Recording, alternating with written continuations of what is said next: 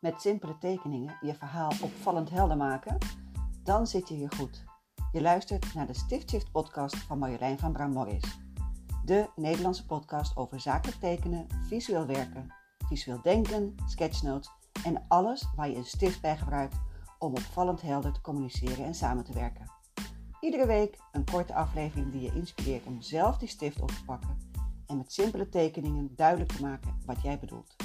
Leg alvast een paar stiften klaar met een vel papier en teken lekker mee.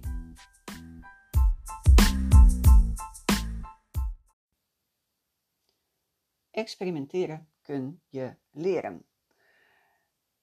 Ik neem je even mee naar een moment zo'n nou, elf jaar geleden toen ik voor het eerst in aanraking kwam met zakelijk tekenen.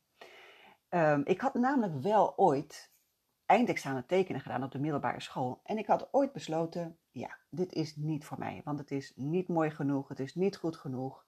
Het was altijd een beetje een zesje, hooguit een zeventje. Het was namelijk niet bijzonder genoeg. En op die leeftijd denk je, nou ja, als het niet bijzonder genoeg is, dan eh, stop ik daar maar mee. Want dan heeft het toch geen, uh, geen waarde.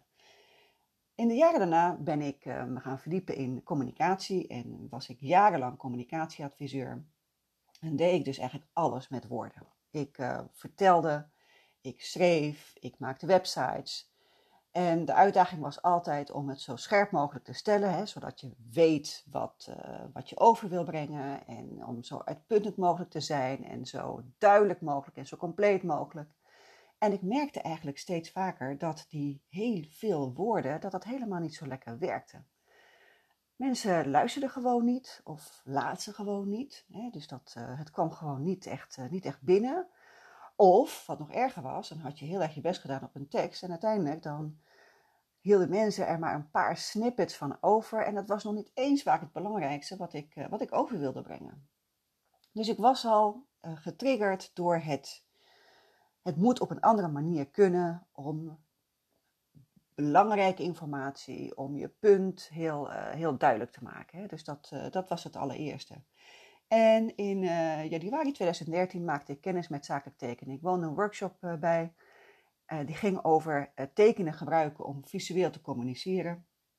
En ik had mijzelf die workshop cadeau gedaan omdat ik net was begonnen als zelfstandig ondernemer ik had mijn baan in loondienst opgezegd en ik, ik wilde wat, wat leuks doen. En in die workshop, dat was een workshop van, nou, ik geloof een halve dag, gingen echt mijn uh, alle alarmbellen rinkelen en dan in een hele positieve zin. Want ik dacht, dit is het. Dit is hetgene waar ik al die tijd naar op zoek ben geweest.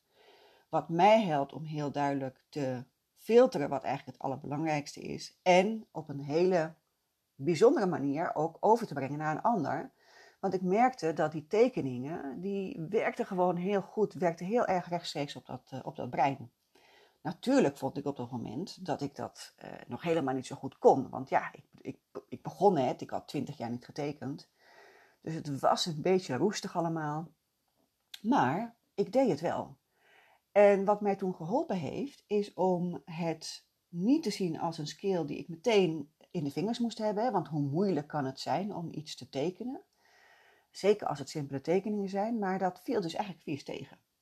En ik heb heel veel moeten oefenen, heel veel moeten experimenteren om te komen tot een manier van tekenen die zowel mij aansprak als die ik eigenlijk durfde te gebruiken bij, uh, bij het vertellen van een verhaal.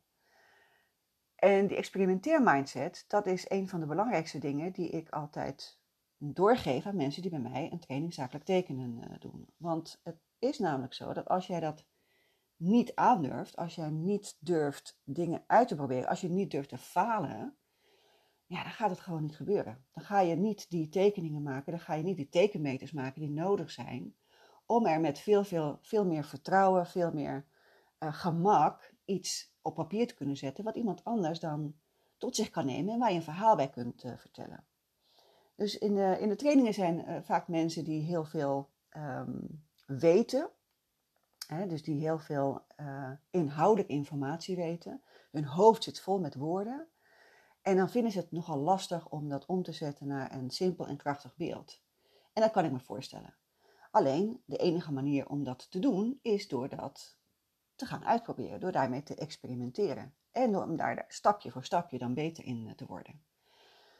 Dus waar ik mensen dus altijd voor uitnodig is om als jij een verhaal te vertellen hebt en als jij helder wil krijgen wat daar het belangrijkste in is, is om het voor jezelf proberen uit te tekenen. Ik had van de week ook weer een training en daar zei een van de deelnemers: Ja, ik, uh, ik, ik kan gewoon geen tekening uh, uh, bedenken bij, bij wat, ik echt, wat ik doe, wat, ik, wat, wat de waarde is van mijn werk. En toen zei ik ook al van ja, weet je, B-shit kan je eigenlijk gewoon niet zo heel goed tekenen. Als jij niet weet wat je bedoelt te zeggen, dan kun je daar ook niet een tekening van maken. En de tekening zelf kan je ook helpen om er helderheid in te krijgen. En die tekeningen die hoeven niet eens mooi te zijn, want die hoef je met niemand te delen. Je hoeft daar niks mee. Het kan gewoon een instrument zijn voor jezelf om wat helderder te krijgen wat je bedoelt. En als je niet tevreden bent, dan verfrommel je dat papiertje en dan maak je nog een tekening en nog een tekening. Maar wat ik eigenlijk bedoel te zeggen is dat het dat experimenteren, dat dingen uitproberen, dat blijven oefenen met dat tekenen, dat is echt de enige manier om er handiger in te worden, om er beter in te worden en om het te integreren in die toolkit, die rugzak eh, die je hebt, waar schrijven en woorden zo'n heel groot deel van uit te maken, maar waar je juist met die stift en met simpele tekeningen zoveel meer kunt bereiken. En daar komt ongetwijfeld nog één van de volgende afleveringen over.